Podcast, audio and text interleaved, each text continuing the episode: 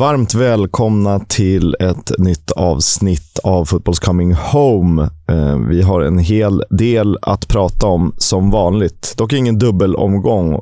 Vi hade ju faktiskt lovat The Club. Det kommer tyvärr inte bli så, eller hur Leo? Nej, men det kommer inte bli och eh, det är ju av den ytterst enkla anledningen att eh, övergångsfönstret har stängt. Det har ju hänt ohyggligt mycket under den här mycket grejer eh, i respektive klubb. Många spelare in, många spelare ut, stora förändringar. Vi hade ju någon slags eh, preliminär genomgång av övergångsfönstret för ja, men över en månad sedan när vi spelade in vår guide. Men det har ju hänt lika mycket efter det som till det avsnittet. Så i dagens avsnitt, dagens episod, har vi en transfer-special. Där vi kommer gå igenom eh, de största värvningarna, de dyraste, vilka ser starkast ut och, och vilka har gjort bäst och sämst fönster och sådär. Så det är vår special idag. Medan The Club kommer ju tillbaka nästa vecka. Och där tänker vi väldigt olika i dubbel bemärkelse. För jag vet ju, utan att avslöja listan, så har vi ju eh, en klubb som du tycker har gjort ett bra fönster, tycker jag inte har gjort ett bra fönster. Och vice versa faktiskt. Mm, där är vi inte ense, så eh, eh, vi får se vem som vinner den diskussionen. Jag kan tippa på att det blir du, men, men, men vi får se. Eh, vi får se om jag tar fram min snackpåse-aura. Men jag tycker att det är lika bra att vi sparkar igång det här.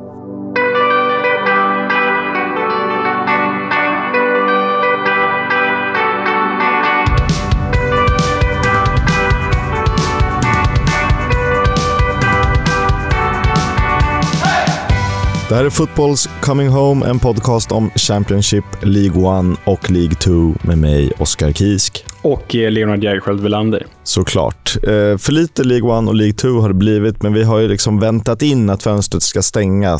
Trupperna är hyfsat satta. Sen kan vi liksom... Och nu finns det ju så fasansfullt, det är ett negativt ord, men det finns väldigt, väldigt mycket att prata om i Championship.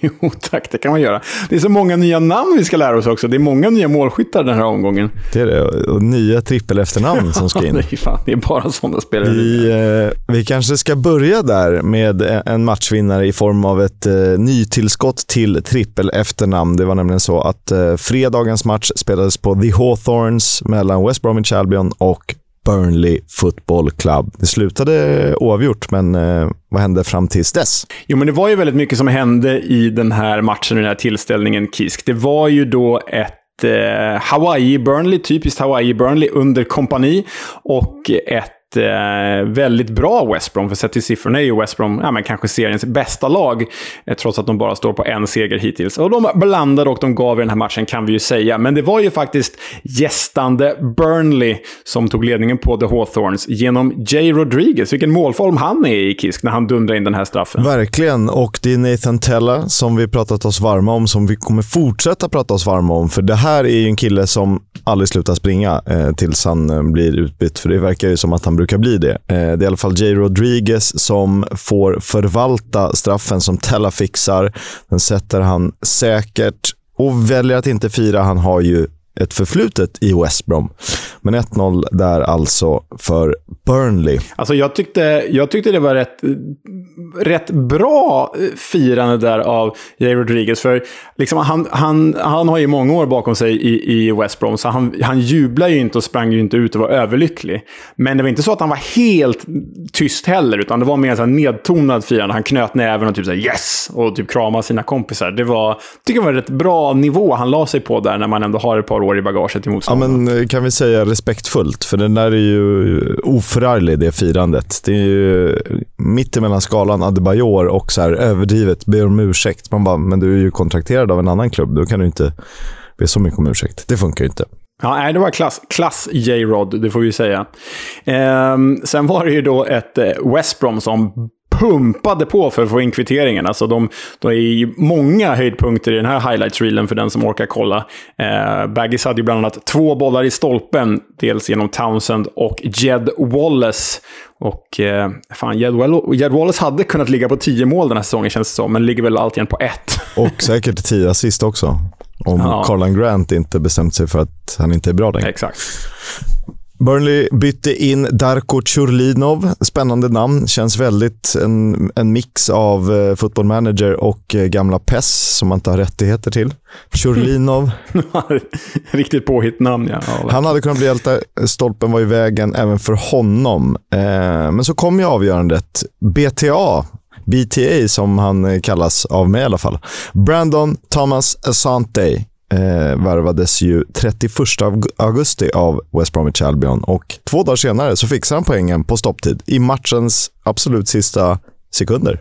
Ja, det är alltså 98 minuten och det är ju en riktig kalabalikchans där bollen liksom studsar fram och tillbaka i straffområdet och sen dyker han upp där på bortre och trycker in den. Ett riktigt skitmål om man jämför med alla de enormt bra chanser som West Brom hade tidigare under matchen. Det är märkligt fotboll ibland att det här blir mål, men inte alla de frilägen och långskott och stolpar som de hade dessförinnan. Äh, det, är väldigt, eh, det, är som, det är en tes jag aldrig har börjat driva, men som jag ibland kommer på mig själv att tänka på.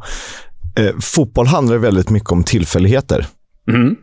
Alltså studsar och eh, om vi talar riktigt gräs så kan det vara ojämnheter som gör att bollen rör sig. Och Det kan du ju aldrig räkna ut. Sen kan du ju förbereda dig för att du till ja, 95 procent vet vad som ska hända.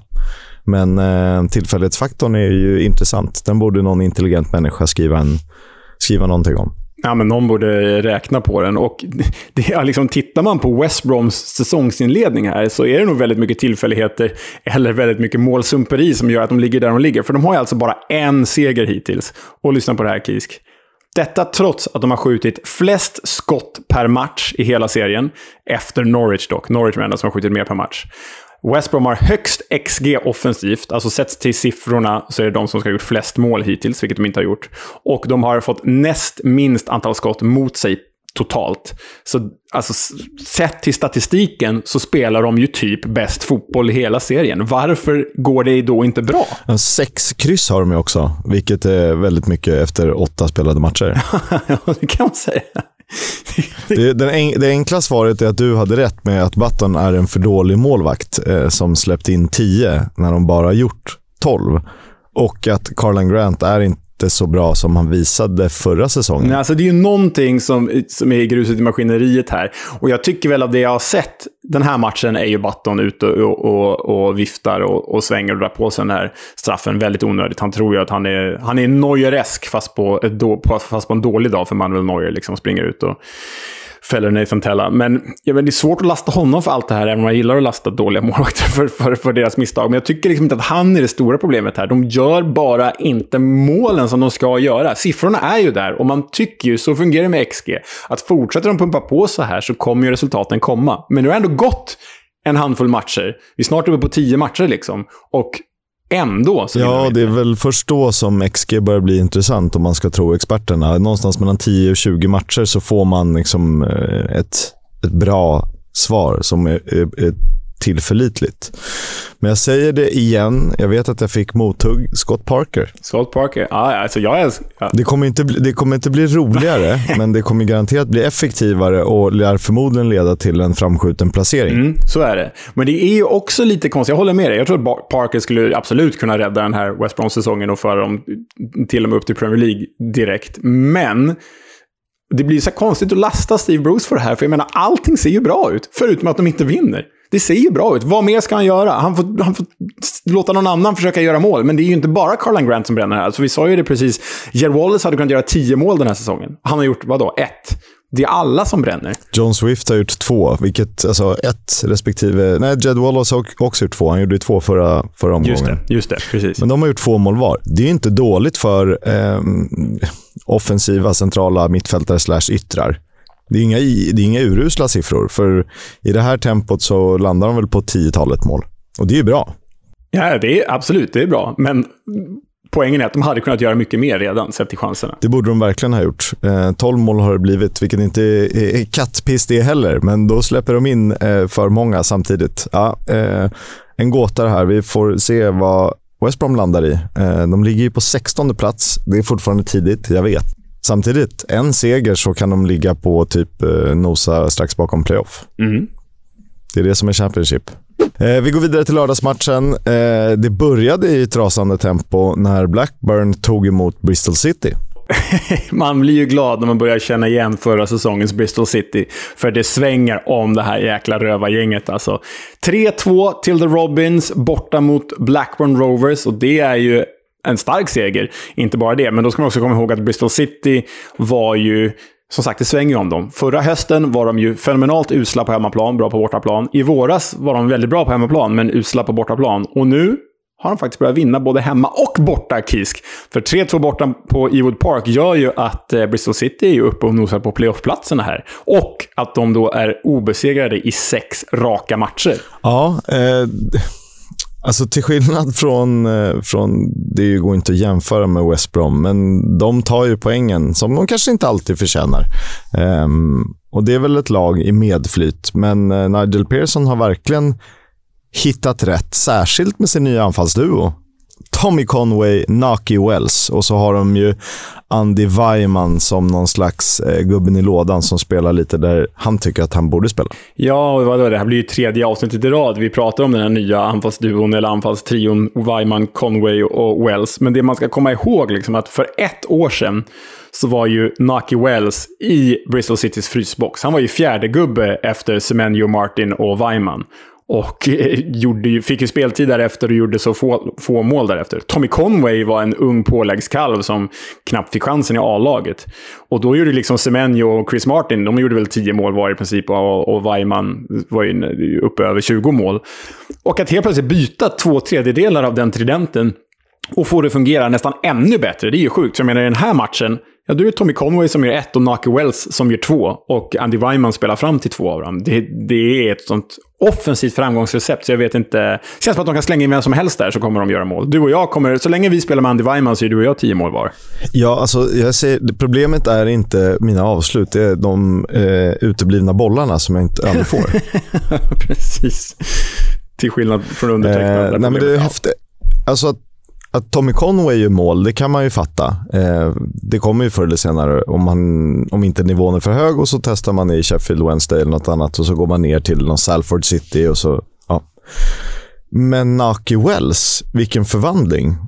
Jag har eh, faktiskt inte läst någonting om det, men jag vill ju veta vad han gjort under sommaren. För han är ju trots allt 32 och har, var ganska pålitlig målskytt i Huddersfield. Sen eh, gick han till Burnley, gick väl sådär petade ändå in ett par bollar i QPR under två lånesessioner i Championship. Sju respektive 13 mål. Det tycker jag är okej siffror.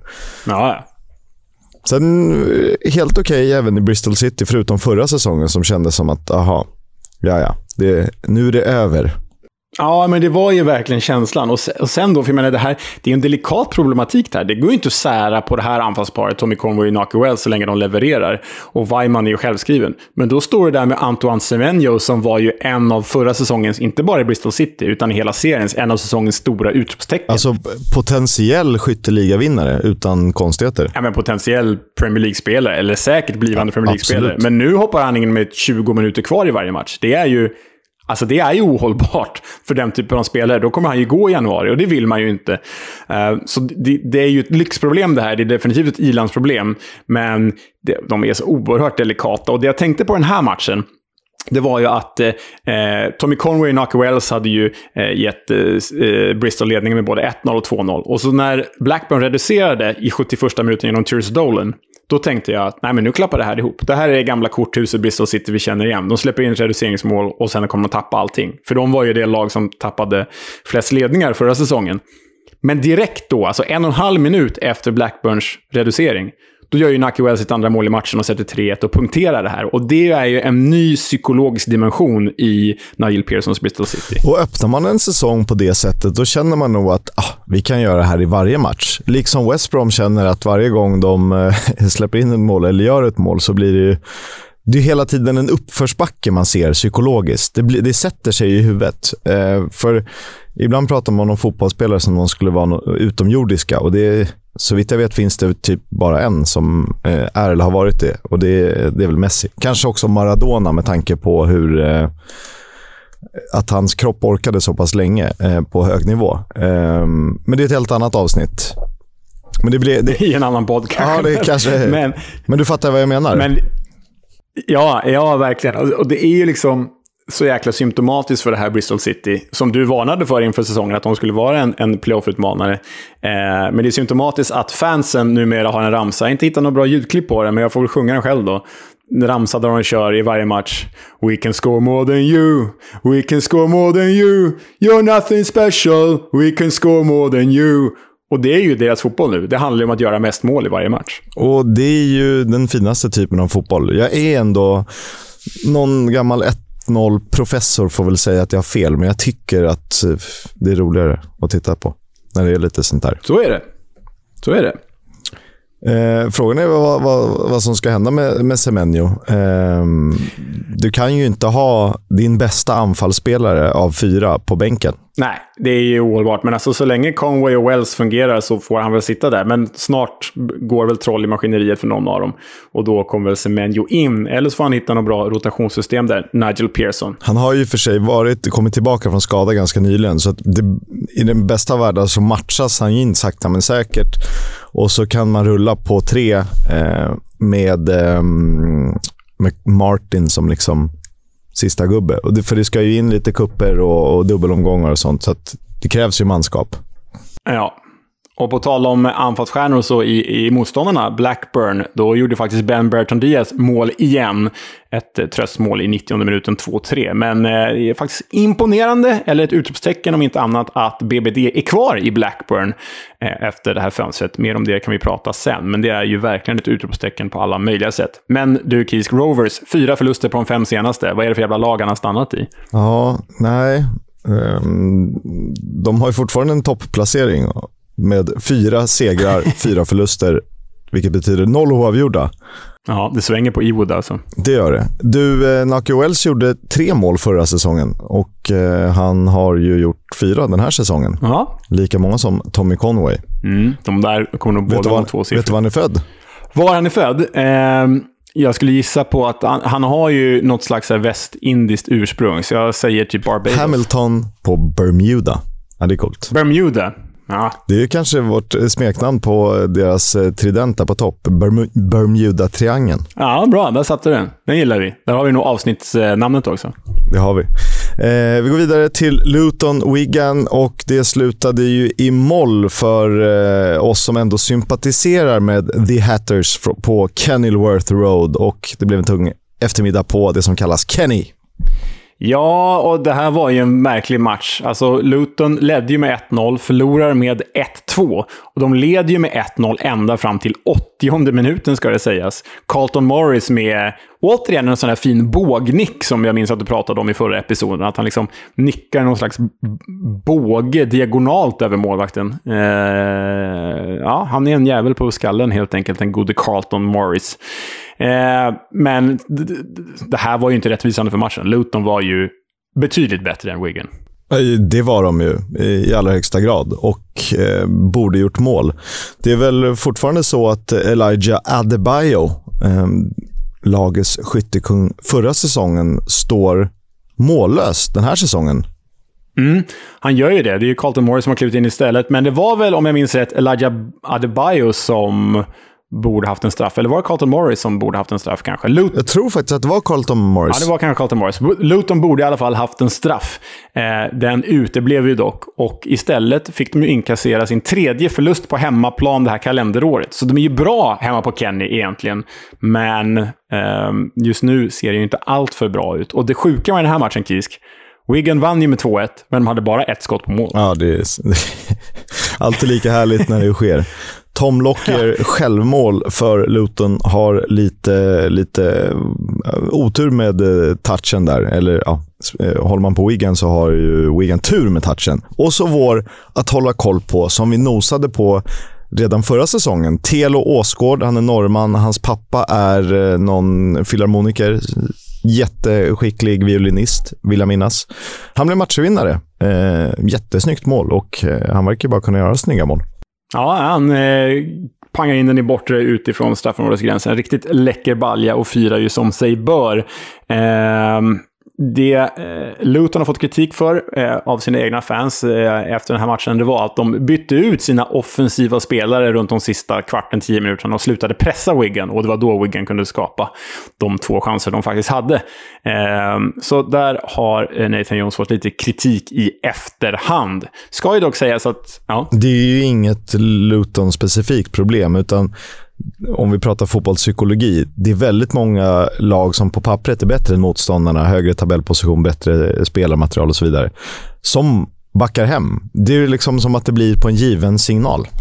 Ja, och eh, i det här fallet straffar det sig på klassiskt italienskt maner. Ska ju dock sägas att Luton hade en kvittering in i slutet, men den vinkades av för offside. Ja, lider lite med Luton på så sätt. Men det är, det är kul när en nykomling eh, kommer upp och tar för sig, eh, som jag tycker att alla tre nykomlingar har gjort på ett otroligt imponerande sätt. Ja, och Wiggen har ju då alltså bara en förlust den här säsongen. Det är imponerande för ett lag som många tippade skulle trilla ur. Det kanske de gör ändå. Säsongen är ju ännu ung, men bra start av The Latics. En annan nykomling som eh, anslöt ovanifrån, alltså från Premier League. De heter Norwich City och de har verkligen träffat plankan nu. Ja, men nu är det ju...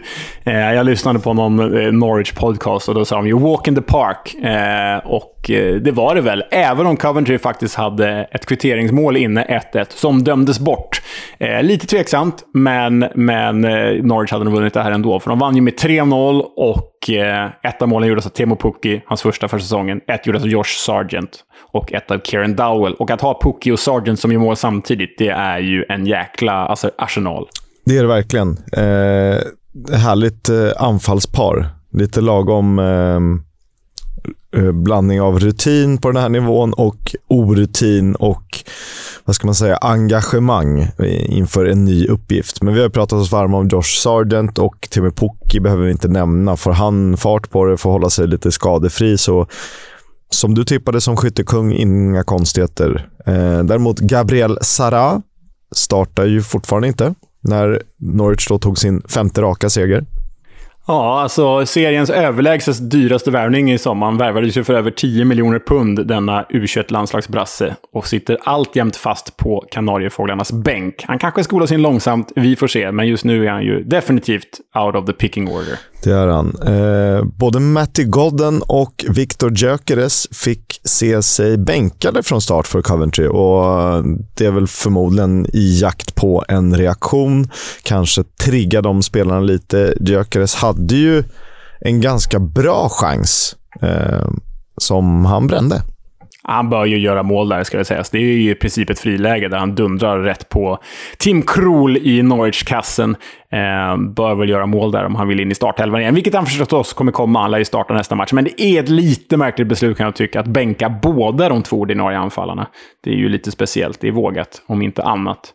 Men du... Eh, Norwich eh, 2-0 mål. Vill du beskriva det? Eller? Det är ju det är sagolikt vackert.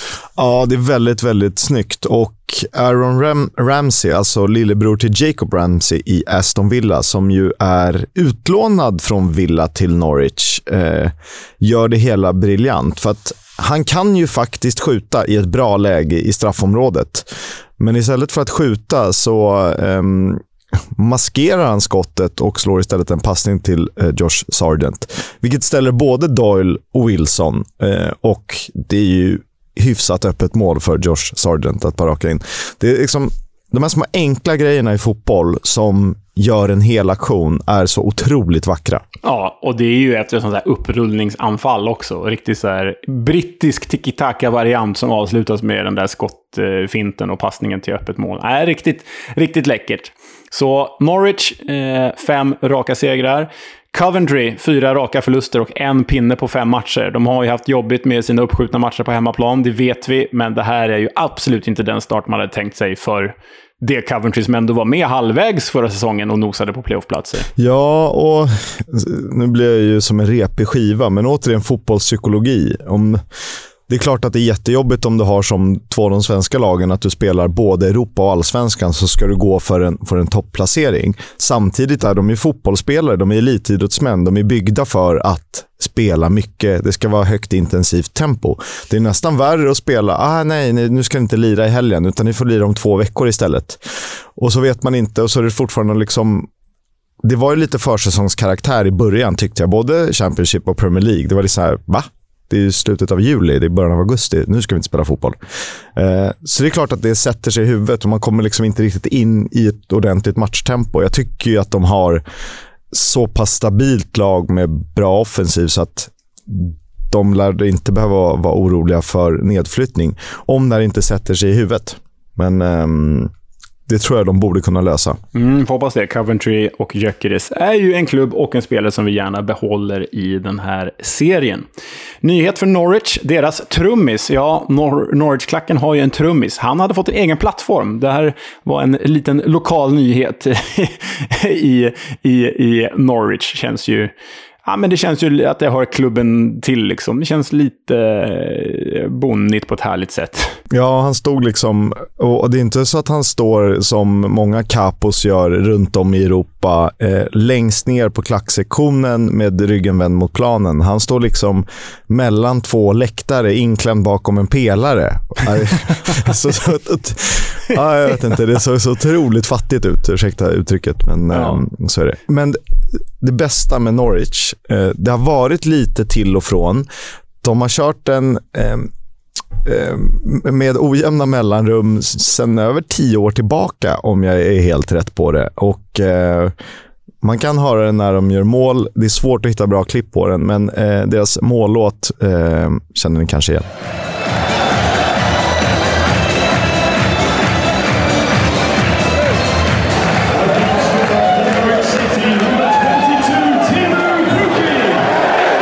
Ja, med tanke på att de spelar i Brasiliens färger så är det såklart att det ska vara lite Samba de Janeiro på Carrow Road. det är liksom, de yt världens ytterligheter, det är karnevalen i Rio och eh, Norwich med, med eh, deras capo, eller trummis eller vad det nu är, står inklämd mellan två läktare liksom, bakom en ja, toalettdörr. Typ.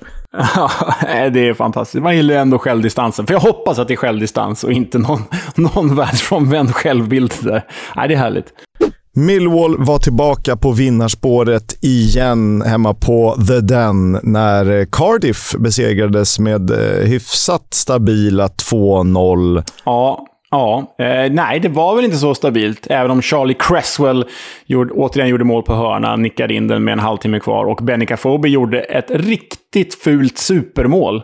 Han vad ska man säga? Det här är 90 minuten och han dribblar in bollen i straffområdet och juckar den förbi försvarare och trycker in den i nättak. Alltså, Benny Cafobis mål är som om Petter Hansson gör en Leo Messi-räd. Så är det.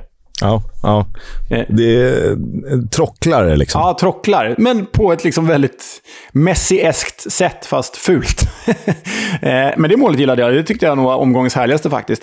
Men för att svara på din fråga, det var ju inte så stabilt ändå. För Cardiff hade ju mängder med bra chanser i den här matchen och bland annat två i virket. Men det vill ju sig inte när, när Millwall då gjorde målen istället. För man tänker ju att eh, när ett Gary Rowett Millwall vinner med 2-0, då är det liksom 1-0 i 13 och sen typ strax efter paus så stänger de butiken och så kontrollerar de lite och så är det lite tjo och lite roliga ramsor och hånan och borta supportrar. Men eh, det var ju egentligen raka motsatsen och eh, lite stolpe in för Millwall. Kul dock. Ja, äh, men eh, absolut. Och som sagt, det är härligt när det avgörs på det där Petter Hansson-sättet. Eh, ur eh, Cardiff-ögon ska det sägas att Walesarna har gjort näst minst mål i serien och eh, målen lyser med sin frånvaro. Därför är det bra för dem att de faktiskt har eh, värvat Callum Robinson från West Bromwich som nu fick 45 minuter i sin debut här för Cardiff. Men det hjälpte ju föga och eh, Cardiff har bara en vinst på de fem senaste och det börjar lukta lite bottenstrid där va? Ja, det tror jag väl ändå att vi var överens om inför säsongen. Att de kanske inte behöver vara jätteoroliga, men eventuellt måste kika bakom axeln mm. lite. Däremot var det ju roligt att eh, Callum Styles, tidigare under smeknamnet Burry Badjo, numera The Budapest Badjo. Eh, han fick debutera i Millwall och gjorde det ja, bra. men värvad från Barnsley. Sjukt att det tog så lång tid för någon klubb att snappa upp honom när han ju var, nej, men har ju varit Barnsleys bästa spelare de senaste ja, men de senaste åren. Eh, har ju verkligen glömst i, i den tillvaron, trots att Barnsley var fullkomligt hopplösa förra året. Men, eh, men denna ungerska landslagsman kommer nog göra stor nytta på det den i, i, år, det tror jag verkligen. Och någon annan som kommer göra stor nytta, det är ju Sian Fleming. Han eh, spelar sin andra match från start för Millwall och han ser ju riktigt läcker ut faktiskt. Där har de en gem.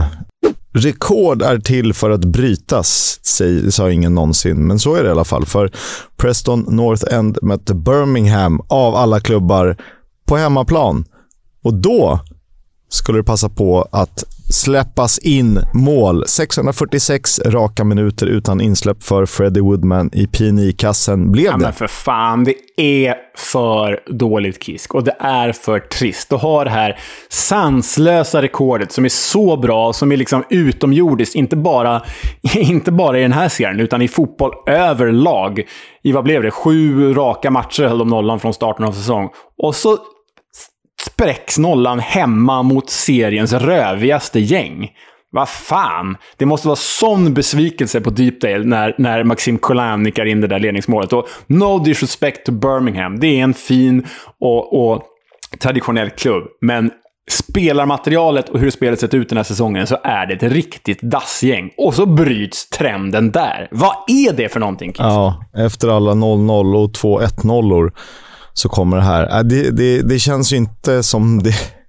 Okej okay, om det hade varit Burnley, Norwich, Watford, Sheffield United kanske, men Birmingham. Och det är inget ont om Birmingham som klubb. Ja, man vill ju nästan ha upp Birmingham i Premier League någon gång. Dels för att få ett Birmingham-derby, men ändå att jag tycker man förtjänar det. Du vet, ligacupvändningen med, med Obafemi Martins och Nikola Sigic. Um, man tycker ju om Birmingham som klubb. Ja, fan. Men kanske. det här laget är ju så knepigt. Och så har man liksom, känns som att man bränt alla pengar på att få Scotty Hogan, Troy Dini och Lukas Jutkiewicz där fram. Ja, det är trubbigare än vad du och jag är, kan vi, ska vi säga. Men om vi, om vi eh, fastnar lite i Birmingham-ögon här då, så det här hopplösa gänget har ju faktiskt fått in eh, två dundervärvningar på pappret sett till sina förutsättningar. Och det är ju Christian Bielik, den eh, tidigare Arsenal-produkten, före Derby-spelaren och polska landslagsmannen. Han startar den här matchen. Och Tai Chong, Manchester United-talangen som nu är värvad på heltid av Birmingham. Båda de startade och båda de kan ju verkligen vara skillnad på överlevnad och inte för The Blues den här säsongen. Så viktiga pjäser i deras lagbygge. Men eh, ja, som sagt, rubriken här är väl kanske inte att eh, Birmingham vann. Rubriken är ju att Preston fortfarande inte gör mål. För det här fina rekordet, Kisk, som vi har hyllat i avsnitt efter avsnitt, det är ju ingenting värt, för nu har ju PNI problem på riktigt. Ja, och det, jag vill minnas att du tog upp det som ett ämne senast. Lite så här, hur, hur länge... Visst att ni släpper in mål, men någon gång måste ni börja göra mål om det här ska ge någonting. För de har alltså Alltså de har 2-1 i målskillnad. Det är ju så sjukt. Närmst är Cardiff som har gjort fyra mål och det är liksom dåligt. Preston North har gjort två mål och räddas ju bara av sina 0-0-kryss eh, egentligen. Ja. Sen har de ju förvisso bara släppt in ett. Eh, närmsta klubb är eh, Blades, då, serieledande Blades, med fem mål. Så att, beroende på hur man vrider och vänder på det. Men tacka vet jag trepoängssystemet som gör att eh, de ändå halkar efter lite. Ja, men för att kolla tabellen, alltså det, det, är ju inte, det är ju inte en bra säsongstart rent, rent poängmässigt. Trots att de bara släppt in ett mål och bara, bara förlorat en match. Men det är ju inte en bra poängmässig start för PNI. Och nu, återigen, Troy Parrott är alltjämt mållös. Eh, och Emil Jakobsen hade bra lägen i den här matchen. Men de gör inte mål. Och då spelar det ingen roll att Robbie Brady min personliga favorit, att han piskar in inlägg på inlägg även i den här highlights-reelen. Och det är bra inspel. Det är ju något som leder till typ öppet mål. De, men de gör inte mål, de här människorna. Och det är verkligen ett eldprov för PNI nu, för deras kommande spelschema, Kisk. Lyssna på de här matcherna. Bristol City borta. Burnley hemma. Sheffield United hemma. Sunderland borta. West Bromwich hemma. Norwich borta. Ja, den är... Eh den är inte rolig. Och då... Ja, det är där de ska spela 0-0. De ska ju ha ett 1-0-seger. Ja, men, alltså de möter, på de sex kommande matcherna möter de alltså fyra av... Fyra, på de sex kommande matcherna möter de fyra uppflyttningsfavoriter i Norwich, West Brom, Sheffield United och Burnley. Och sen möter de Sunderland borta och Bristol City borta. Det, är, ja, det kan ju vara noll mål gjorda även efter de sex matcherna. Ja det, det, det kan det vara. Ja, vi får se hur det går för PNI om de ska fortsätta täppa till eh, både framåt och bakåt eller om de lyckas, eh, lyckas börja få in mål. Det behöver Parrots pågar, våra vänner i Ledley Kings knä. Rotherham, nykomlingen mot Watford, nykomlingen ovanifrån, spelade 1-1 och det var ju två härliga målskyttar på helt olika sätt. ja, för vem om inte 37-årige mittbacken, näst äldst i hela The Championship, Richard Wood, gav hemmalaget ledningen på New York Stadium. Han är alltså fyra i skytteligan nu, den här 37-årige lagkaptenen och, och mittbacken. Med bara Oscar Estopignan, Ross Stewart och Josh Sargent framför sig. Det här var nog höga odds på inför säsongen, tror jag. Ja, det är lite Rob Dickey, Dara O'Shea-varning att börja säsongen så starkt. Ja, och nu byter alla in honom i Gaffer så kommer inte göra något mer mål överhuvudtaget. Men det är väl en hörna de har här, va? så hänger han kvar när hörnan har gått ut och så kommer bollen in igen och så skallar han in den. Han känns ju... Ah, redig brittisk mittback, Richard Wood. Känns ju som något taget ur den gamla skolan. För han firar ju som Anders Svenssons frispark mot Argentina 2002. På varje mål. Så äh, det, det är en härlig typ, Richard Wood. Det är det. Han, han, han viker inte av från mallen, utan eh, han vill vara stereotypen. Och det är klart han ska vara det. Det är så han är fostrad. Verkligen. Det är, det är väl han och Phil Jagielka som är äldre än vad du och jag är, typ. Mm. Ja, det är satan. Fan vad sorgligt. För Watford så var både Joao Pedro och Ismail Azar två av de eh, två av spelarna i trion på topp som eh, har varit liksom nyckeln för att eh, Watford ska kunna lyfta tillbaka igen, tror vi. Eh, Sar var dock utanför truppen med en knäskada, en minor sådan. Istället fick Vakon Bayo starta eh, för Watford i deras ruggiga offensiv. För den, alltså, om man bara tittar på den. De har Joao Pedro och Ismail Azar, det vet ni. De har också Vakon Bayo som är ett ganska påkostat nyförvärv. Dessutom har de ju Keenan Davis eh, som ligger där bakom. Vi vet vad han var kapabel till förra säsongen. Och så Yaser Aspria som någon slags eh, släpande, eller snarare offensiv mittfältare. Och på kanterna Hassan Kamara och Ken Sema.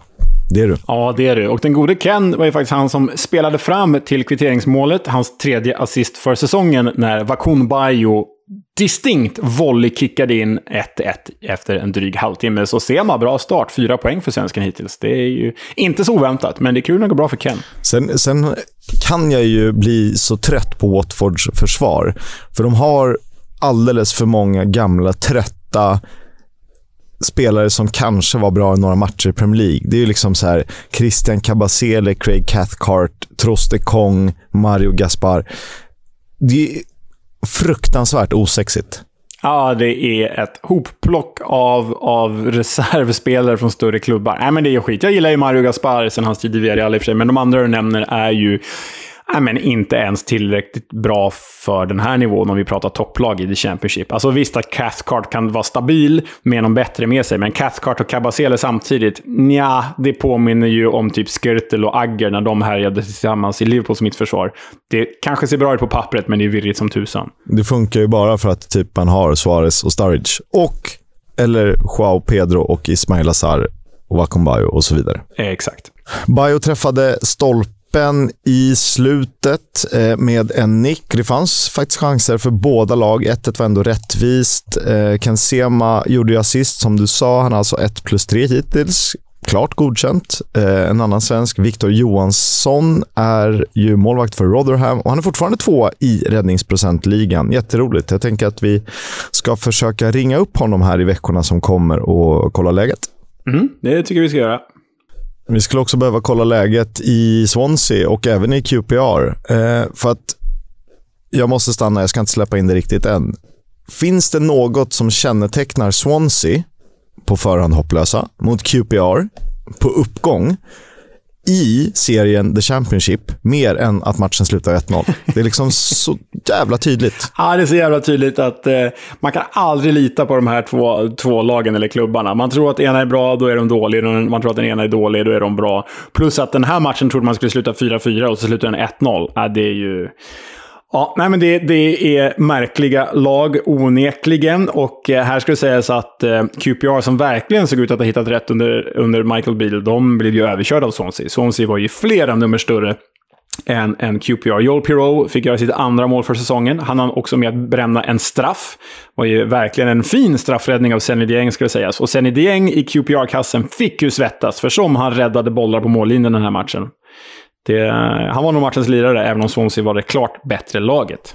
Eh, Chris Willock eh, är ju liksom överlägset bäst i det här QPR och det är väl skönt för Ilias Shair att ha en till. För när Chris Willock var skadad var det ju mycket upp till Ilias Shair att ta på saker och eh, han är ju klart näst bäst i den här truppen. Eh, men de behövs ju verkligen om det ska lyfta för Bils manskap. Mm, verkligen. Och eh, en kortis från Russell Martin här, att han övergav sin tidigare uppställning, gick tillbaka till en 4-4-2. Vill han ju absolut inte spela, Swansea-tränaren. Men skador på ytter, på wingbacksen, eh, tvingade honom att spela med en fyrbackslinje. Och då vann de ju. Så vi får se om 4-4-2 fortsätter i Swansea. Nej, det är ju, det är ju kapitalfel där. Ja, till och med så att QPR vann bollinnehavet. Bara det. Det är ju kors i taket. Vi har avhandlat fredagen och lördagen. Nu är det dags för söndag där Reading tog tre starka poäng hemma mot Stoke och hakar på i toppen vare sig vi vill eller tror eller inte. Mm. 2-1 mot Stoke. Lucas Joao matchvinnare med två baljer och eh, det var ju rättvist för The Royals, men första målet får man ju verkligen skylla på Stoke-keepern Jack Bonham. För vad i helvete håller han på med? Alltså, springer ut ur straffområdet, missbedömer bollen totalt. Lucas Joao får öppet mål utanför straffområdet. Det är ju liksom kapitalfel, Jack Bonham. Så det skulle du inte göra när du försöker spela till dig första spaden. Nej, eh, men en annan första spade heter Joe Lumley. Vi har pratat mycket om Fumle Lumley i den här podden. Han spelar fram till 1-0 målet. Eftersom Bonham missbedömer så går ju bollen till Joao som sätter den. Då får han assist för det. Dessutom är han ju en proffsmaskare i slutet. Det är så att Joao gör 1-0, Ben Wilmot kvitterar, Joao utökar från straffpunkten. Och Vi har ju delat det klippet. Det är otroligt roligt när han liksom försöker sträcka sig och nå. Det dåligt. Ja, kolla på det här klippet. Det är riktigt fulländat griseri av Joe Lumley när han, när han nickar bollen från en bollkalle och låtsas få ont i näsan. Ja, det, Ja, bedrövligt. och Reading är ju faktiskt hundraprocentiga på hemmaplan. Ja, det kommer väl rädda deras kontrakt. Det är ju, alltså, jag menar, de äter upp. Snart har de nått den här gränsen där, de faktiskt klarar sig. Så det är ytterst imponerande. Och Tom Inns spelar ju som den Tom Inns man trodde att han skulle bli. Han är ju bäst i varje match för Reading. Ja, vad undrar vad han får av farsan. Men du, eh, Stokes förbannelse fortsätter. Alex Neil, denna hett eftertraktade tränare, nu blott med en pinne på två matcher för The Potters. Det är nog Stoke det är fel på, va? Inte tränarna. Ja, det är väl för tidigt att säga något om Alex Neils Stoke, men eh, det är någonting med grundvattnet i Stoke-on-Trent när ingen verkar kunna lyckas. Nej, förbannelse. Reading är trea i tabellen och det är en galen effektivitet vi får se från Reading. För de, så mycket chanser skapar de ju inte. Nej, nej, det gör de ju inte. Och det kommer ju liksom komma tillbaka i och för sig. Men det här Reading börjar mer och mer kännas som ett mittenlag mot slutet av säsongen i alla fall. Vi får se. Truppen är ju tunn, så vi får se hur långt det bär eller inte. Fråga. Är Lucas Joao och Shane Long seriens sexigaste anfallspar? Det skulle kunna vara seriens osexigaste anfallspar, vilket gör dem till det sexigaste i mina ögon. Så ja, jag svarar att ja, det är seriens sexigaste anfallspar. Jag älskar ju Shane Long och det är svårt att inte gilla Lukas Schaus spelstil. Så där stor och brunkig, typ eh, styva bröstvårtor och vassa armbågar. Men förhållandevis snabb också och lite småsmart. Ja, men han är, han är ju för bra för Reading. Reading får ursäkta.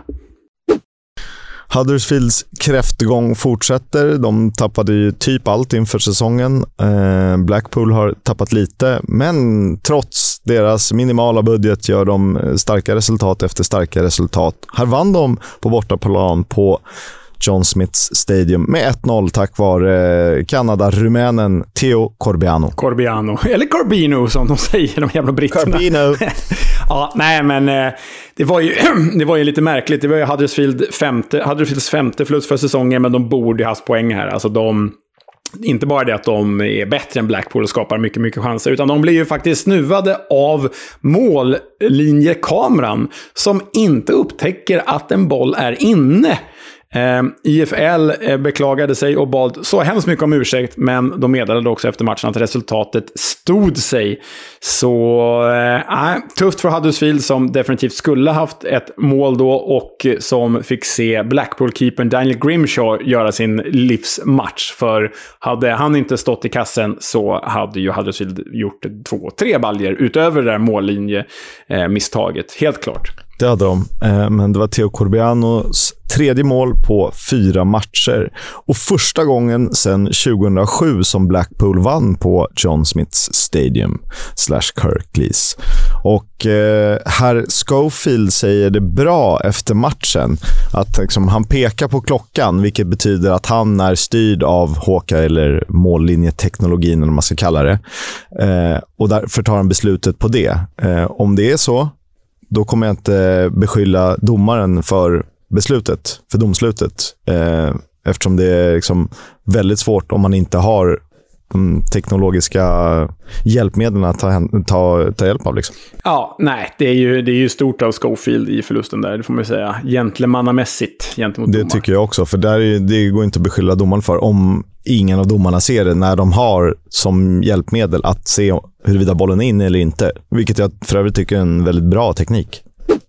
Sheffield United ångar på i serietopp. Det gjorde de borta mot Hull också när Ollie McBurney, wow, förvandlingen, och Sander Bergen, orrmannen, eh, såg till att det blev 2-0. Ah, men alltså, McBurney mål för tredje matchen i rad. Jag såg på sociala medier att eh, det finns nu flera engelsmän som eftersöker den riktiga Ollie McBurney. Missing person. Have you seen Ollie McBurney? Because there's another one playing instead of, instead of him. Eh, lite roligt. Han gjorde ju inte mål på 21 månader och 43 matcher. Nu har han gjort mål i tre raka. Vad är det som händer? Det är ju så enkelt att Matt Ingram ska ha hans avslut som leder till mål. Ja. Ehm, så Ja, att det här faktiskt. får han ju.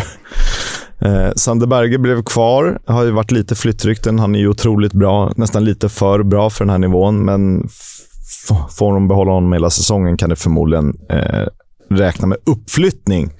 Sen är det ju roligt med Oscar Estopinan som vi pratat oss varma om för sin Fox in the box-känsla. Eh, när han kommer fri, då vet han inte vad han ska göra. Eh, för då är han så jävla trubbig. Ja. Han måste ju typ bli skjuten på eller bli sparkad på eller råka liksom snubbla bollen in i mål. Då, då gör han sina hattricks. Men här, när han har rena lägen, då går det absolut inte att göra mål. Sen ska jag säga att West Fodringham gjorde en bra match för Blades också. Men, men, men Estopinian får, får ni vässa sina avslutsegenskaper när han har tid på sig. Ja, det där var inte bra. Han kom ju fri från strax efter halvplan och kan ju egentligen bara sätta den på en ändra sida om Fodringham. Det gör han inte. Han har väl dubbla lägen. Mycket skadeproblem i Hall dock. De saknar bland annat Jean-Michel Seri och dessutom hade de ju fyra nyförvärv att skola in som de värvade på deadline day. Eh, men Hall, de känns ju jävligt ojämna. 12 mål insläppta nu på de fyra senaste. Och det är ett Blades som... alltså, det är ju inte helt stjärnspäckat. Baldock, Egan, Norwood, Doyle, McBurney. Det är ju rätt old school brittiskt också. Det är stabilt, men det är inte så med mycket stjärnglans. Nej, det är det inte. Men de är ju... Känns klart bäst hittills, det får man säga. 2-0 blev det. Det var derby under måndagskvällen eh, mellan Middlesbrough och Sunderland. Det första Tees-Ware-derbyt sedan 2018. Ja, den här matchen såg jag. Den var ju riktigt eh, trevlig publikmässigt i alla fall. Publiken gjorde verkligen sig hörda och påminde om hur ett derby ska och bör låta på den här nivån. Eh, det blev bara 1-0. Australien. Riley McRee, som vi varnade för i guiden, gjorde mål igen. Assisterad av Ryan Giles förstås. Vilken vänsterfot han har. Herregud, vilken spelare. Ja, det är en otrolig spelare. Eh, Sandra hade några otroliga spelare de också. Bland annat Alex Pritchard, eller Alex Pritchard. det är lite déjà vu att eh, vi pratade om Sunderland sist i, i ett avsnitt. Men så är det i alla fall. Han, han borde nog givit gästerna ledningen när Borough tog sin blott andra seger för säsongen. Och förmodligen är den väldigt, väldigt viktig, för det kan ju vara lite av kickstarten på deras säsong. Mm, verkligen. Det var ju lite eh, jobbigt i Sandland-lägret här också av två anledningar. Det ena var ju att Ross Stewart, the Loch Ness Drogba, han eh, fick ju kliva av uppvärmningen skadad, så han spelar inte det här derbyt. Jobbigt för Black Cats. Och än jobbigare för Tony Mowbray, som ju är Sandlands nya tränare, för han är ju en av Middlesbroughs största legendarer genom tiderna. Han har ju alltså varit lagkapten som spelare i Middlesbrough. Han har tränat Middlesbrough. Han älskar Middlesbrough. Det är hans favoritklubb. Och så fick han förlora derbyt mot dem. Så ja, tungt. Extra tungt för Sunderland den här dagen. Den var tuff där uppe i norr. De sista bekräftade värvningarna som kom efter vi spelat in förra veckans avsnitt, precis innan fönstret stängde. Jag börjar med Callum Robinson, även kallad CR7, som en viss annan fotbollsspelare. Han gick från West Brom till Cardiff. Mm. Budapest Baggio till Millwall. Callum Styles alltså, från Barnsley. Josh Bowler lämnar Blackpool till Nottingham Forest men lånas ut till samarbetsklubben Olympiakos. Tai Chong, han går till Birmingham på riktigt den här gången, inte bara lån. Halil Dervishoglu lämnar Brentford för Burnley. Zack Emerson, Brighton-spelare, och Callum Wright, Leicester-talang, går till Blackpool. Ryktesvägar så sägs det att Danny Drinkwater, som ju numera är kontraktslös efter att ha lämnat Reading, kan vara på väg till Blackpool som bossman. En klok värvning om de skulle lösa det för 32-åringen som tränat med Royals under sommaren. Och Erik Peters, nederländaren som representerat både Stoke och Burnley i över 220 Premier League-matcher, är nu klubblös och sägs ha blivit kontaktad av West Bromwich.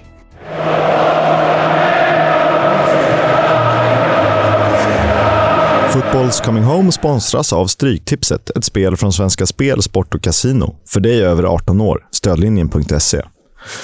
Jag fastnar i kupongens match 8 den här helgen. Det är Bristol City mot Preston North End och eh, här undrar man ju vilken väg matchen ska ta.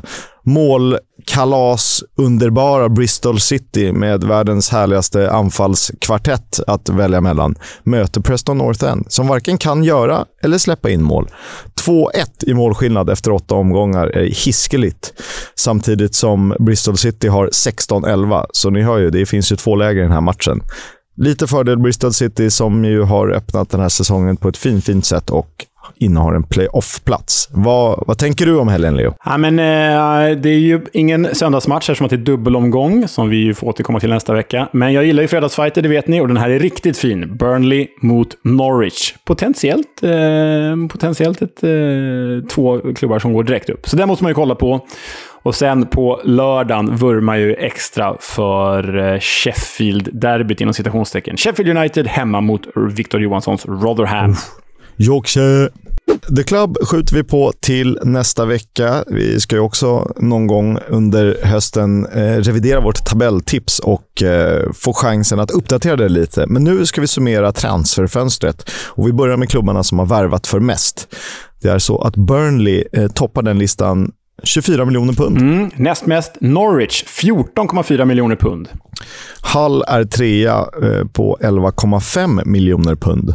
Därefter följer Middlesbrough som värvat spelare för 9,2 miljoner pund. Och sist i toppfemman är Sunderland med 6 miljoner pund. Eh, det har spenderats uppe i norr. Mm, är imponerande av en nykomling att kräma ut så mycket pengar. Sen är det då ett koppel på hur många klubbar är det, Christ? Alltså en, två, tre, fyra, fem, sex, sju, åtta, nio klubbar som inte lagt ut en enda krona i övergångssummor eh, för eh, nya spelare den här säsongen. Och det handlar om Birmingham, Bristol City, Coventry, Preston North End, Queens Park Rangers, Reading, Rotherham, Stoke, Wigan. Alla har lagt ut noll kronor på övergångssummor och alltså värvat för minst inom citationstecken. Ja, och om man ska kolla på netspend så är ju ändå Burnley i topp, trots att de har värvat mest. För de har ju gått 56 miljoner pund plus. Eh, de har varit bra på att sälja också. Mm, nästan en miljard har de sålt för till Premier League. Watford ligger bara två miljoner bakom. 54 miljoner pund plus har de gått. Sen har vi ju Middlesbrough med 17 miljoner pund, Huddersfield 11 miljoner pund och Swansea 8 miljoner pund plus i övergångar. Mm. Sen, eh, vad har det varit mest omsättning då? Jo, där de tre klubbar som har varit flest spelare, det är Cardiff, 18 spelare in. Och Burnley och Hull delar andra platser med 16 spelare in. det har hänt mycket i de klubbarna kan vi lugnt säga. Dyraste värvningen är Gabriel Sara. 10,5 miljoner pund kostade han för Norwich. Det är nästan dubbelt så mycket som eh, tvåan, Vakon Bayo, som Watford köpte för 5,8 miljoner pund. Eh, delad tredje plats eh, Sayad Manesh i Hull och Svensk-Bosnien, Anel Ahmed Hodzic, eh, Hull respektive Sheffield United, alltså båda kostade 4,5 miljoner pund. Och då kommer vi till det här där eh, du och jag, Kisk, vi ska eh, plocka ut de tre bästa övergångsfönstren eh, och motivera varför. Du har tagit ut tre klubbar, jag har tagit ut tre klubbar som vi tycker har gjort de tre bästa övergångsfönstren den här sommaren. Eh, om vi börjar med plats tre. På min lista så låter jag Hall och West Brom dela, för jag tycker att de har förstärkt där de måste förstärka. Och eh, ändå med spelare som går rakt in i startelvan och som verkligen gör skillnad för båda klubbar. Så delad tredje plats. Mm, min tredje plats det är Middlesbrough, som har ju breddat enormt. De har ju verkligen breddat i alla lagdelar och så har de ju spetsat i form av Rodrigo Muniz på topp från Fulla, Marcus Fors på topp från Brentford, Ryan Giles som är väl seriens bästa ytterback, Zach Steffen som inte varit så bra hittills, amerikanska landslagsmannen och så vidare. Har ju inte gått så bra hittills, men på pappret Eh, och säsongen är så ung, så jag bedömer det där än så länge. På pappret tycker jag att Middlesbrough har gjort det de behövde göra och lite till. Sen får vi se om det fungerar eller ej. Min tvåa är Reading. Eh, på pappret så där och vi sågade dem inför säsongen. Men det har ju visat sig bära frukt. Eh, så därför går jag ifrån lite att bara titta på pappret. För eh, Tom Ince, Shane Long, Joe Lumley, mm, nåja. Eh, Jeff Hendrick, nästa Guinness Walker, eh, Nabisar, Baba Rahman. Eh, det här tror jag ändå är eh, bra. Och det ser bra ut. Och givet att de inte har några pengar att värva för ett transferembargo som gör att de inte kan plocka från vilken hylla de vill, så måste jag ju tycka att det är bra, givet förutsättningarna. Ja, alltså, jag förstår vad du säger där. Jag har ju Reading på nästa lista. men Vi kan återkomma till det då. Men det är profilstarkt om, om, om inte annat. För min andra plats har du redan eh, presenterat. Det är ju West Bromwich Albion. Och liksom bara plocka in John Swift och Jed Wallace gratis. Bara det är ju liksom ett superfönster. Men de har lyckats behålla sina bästa spelare och de har ju breddat eh, lite till även så. Jokuslo och sådär. Så West Brom med ett pangfönster i mina ögon. Jag har Norwich etta på listan. De har inte värvat så mycket, utan det är ett ganska tajt fönster. Men kvalitetsmässigt är det otroligt starkt och det har dessutom givit omgående effekt med Marcelinho Nunez, eh, kanske inte Gabriel Sara riktigt än då, men Isaac Hayden och Aaron Ramsey. Så att, eh, litet men väldigt effektivt. Mm. Min etta, det är ju The Tigers. Hull, för trots förlusterna av King Louis Potter och George Honeyman som har fått in bredd och klass i Sean Michel Seri, Ozan Tufan, Shinnick, Ma, eh, Cyrus Christie, Tette på topp, Pelkas från Fenerbahce och Oscar Estopinian. Och det är ju för Hulls målsättning och kvalitet väldigt bra nivå. Verkligen. Superbra. Om vi går på sämst fönster, där ett är sämst, då, precis som det var tidigare. Ett var bäst. Eh, trea på min lista, som ju fanns på din lista, är Middlesbrough. Eh, och här går jag också lite på hur det har sett ut inledningsvis. Eh, för det är ju namnkunnigt, men det ser ganska tungt och trögt ut. Där Ryan Giles, jättebra förstås, men givet Boros förutsättningar och hur det gick förra säsongen, som Marcus Fors och Lennihan, det är trögt. Eh, och jag kanske får äta upp det här när de kickar igång säsongen, men det är liksom Amonis okej, okay, Giles väldigt bra. I övrigt, nja. Alltså det är ju roligt, för vi har ju olika bedömningar här. Jag tittar ju på pappret och så här, skiter lite hur det har gått hittills. Jag ser på pappret och känner att jag tycker verkligen att Middlesbrough har gjort det han behövt göra och mer utöver det. Du tittar på hur det har gått och nej, det har inte gått så bra. Det har du ju verkligen rätt i, för det ser ju tungt och trögt ut. Marcus Fors ser ju inte speciellt bra ut. Det är väl framförallt Ryan Giles och kanske lite Rodrigo Moniz som sett bra ut hittills av de här nya gubbarna. Men framöver då? Det är det som blir intressant. Kommer det här fungera eller kommer det inte fungera? Jag gör ju bedömningen av att jag tror det här kommer fungera. Och då blir det väl ett bra fönster. Och då du kanske gör bedömningen att det inte kommer fungera. Då blir det inte ett bra fönster. Det är det som är skillnaden mellan oss här. Ja, jag tror att du tittar bara på värvningarna och sen får, liksom, har du någon bild i huvudet av hur det kommer gå. Jag tittar också på lite hur det har sett ut och jag tycker att det känns som de har eh, saknat spelare eh, eh, som de inte har värvat. Mm. För här får vi en annan diskussionspuck. För min trea på, på sämst fönster hade ju du med på din topplista. Och det är ju Reading. Och de har ju, som du gjorde en poäng av, värvat ganska intressanta och framförallt profilstarka spelare. Men i mina ögon så har de ju blivit av med tre väldigt viktiga pjäser från förra säsongen i Andy Rinomota som gick till Cardiff, Josh Laurent som gick till Stoke och Jonathan Swift då, som var väl liksom MVP hela förra säsongen. Och det känns på sikt väldigt svårt att ersätta, även om det ser ju oförskämt bra ut hittills. Det, det får jag ju erkänna. Ja, men då väger jag in att Reading inte får värva och en spelare som John Swift hade de inte kunnat behålla, inte ens om de liksom det fanns ju inte på kartan. Eh, så blandar man in det tycker jag ändå att de har gjort det bra givet förutsättningarna och tagit in liksom hyfsat rutinerade spelare för den här nivån och det har ju funkat. Sen tror jag inte att det kommer funka överhuvudtaget på sikt, oaktat vilka de värvade eller inte. Men eh, eh, jag kollar lite på också hur det har gått och då är det bara att lyfta på hatten. Verkligen. Min tvåa då, sämst fönster, Blackburn, eh, som ju förvisso fick behålla Ben Brereton Diaz, men de har inte värvat jätte. Det är väl Sami Smodic som sticker ut, men truppen är fortfarande tunn och eh, det blir, lär bli tufft. Ja, och min två är faktiskt också Blackburn och jag får väl fylla i med att de alltså tappat Ryan Janbey, Joe Rothwell och Daryl Lanihan, alla ordinarie, gratis. Och de kommer ju tappa BBD antagligen gratis också, därför att hans kontrakt går ut nästa sommar. Så nej, väldigt svagt övergångsfönster av Blackburn. De har ju faktiskt bara försämrats, även om det sportsligt var viktigt att behålla BBD. Och etta på listan, oundvikligen, Huddersfield som tappar Carlos Corberan, Harry Toffolo, Lewis O'Brien, Levi Colwill också ut, får man ju ändå säga, även om han var... Uh... Daniel Sinani också, och Pipa. Äh, det är ju min etta också. De gör ju ett katastroffönster och värvningarna från League One har ju inte imponerat. Har de inte svårersatt och det blir tufft för Huddersfield som är ju ett bottenlag. Om vi kollar på topp fem bästa värvningar. Det här är ju väldigt svårt och du har en rolig etta där ser jag. Eh, men vi börjar med din femma. Eller vill du nämna någon som hamnar precis utanför? Ja, men shout-out bubblare för de bästa spelarna som värvades under fönstret. Så har jag Cal Naismith till Bristol City och Robbie Brady till Preston North End. Suveräna värvningar, men de kommer inte in på min topp fem. Icke. Och jag har Freddie Woodman, Tai Chong och Cal Naismith precis utanför listan jag med. Kanske konstigt nog. Mm, det är ju en favorit för oss, Cal Naismith. Men min femma, Oscar Estopinian, denna eh, väldigt taffliga brunkare till målskytt. Han eh, kommer nog göra sina 15-20 mål den här säsongen, så han är femma på min lista. Jack Clark, som ju permanent gick till Sunderland, så jag tycker att han borde räknas. Eh, var tidigare utlånad från Tottenham. Eh, har ju öppnat strålande, så han är femma på min lista. Fyra på min lista. Seriens just nu bästa mittback, Anel Ahmedhodzic till Sheffield United från Malmö FF. Superb värvning hittills. Vilket kap.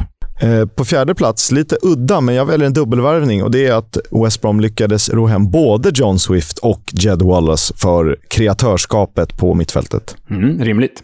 Trea, denna chilenska elegant och magiker som kom från ingenstans.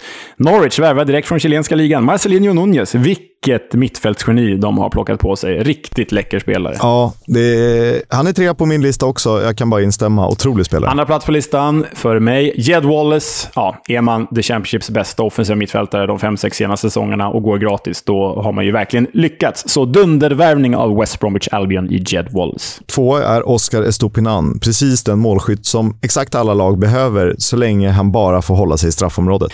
Sen har jag en eh, liten speciell etta här. Cardiff kan ju inte göra mål och de behövde en offensiv spelare nu på sista dagarna av fönstret. Och då plockar de in för en och en halv miljon pund, inga pengar alls alltså. Callum Robinson, fortfarande bara 27 år gammal, med Premier League-mål i bagaget, gjorde en inom citationstecken dålig säsong i fjol. Och när han gjorde då sju mål och nio assist för West Brom.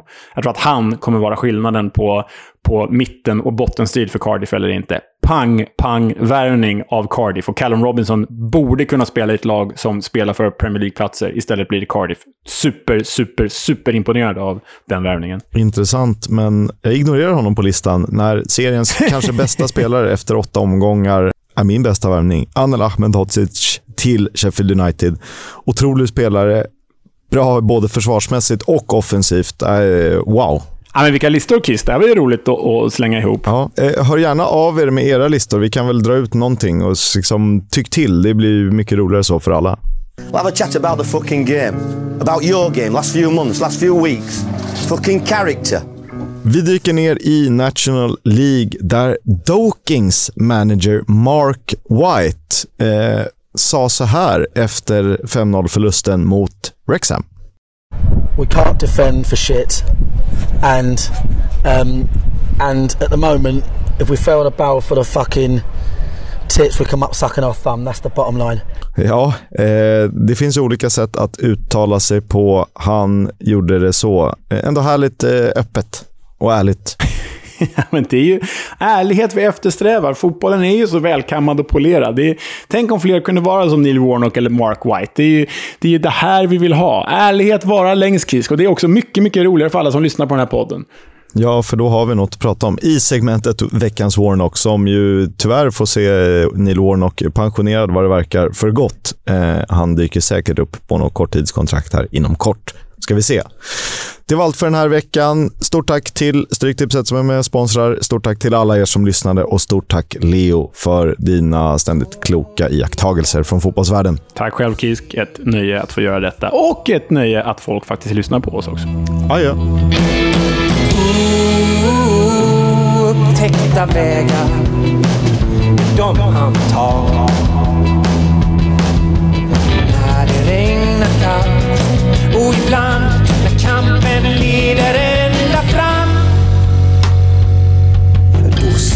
ses vi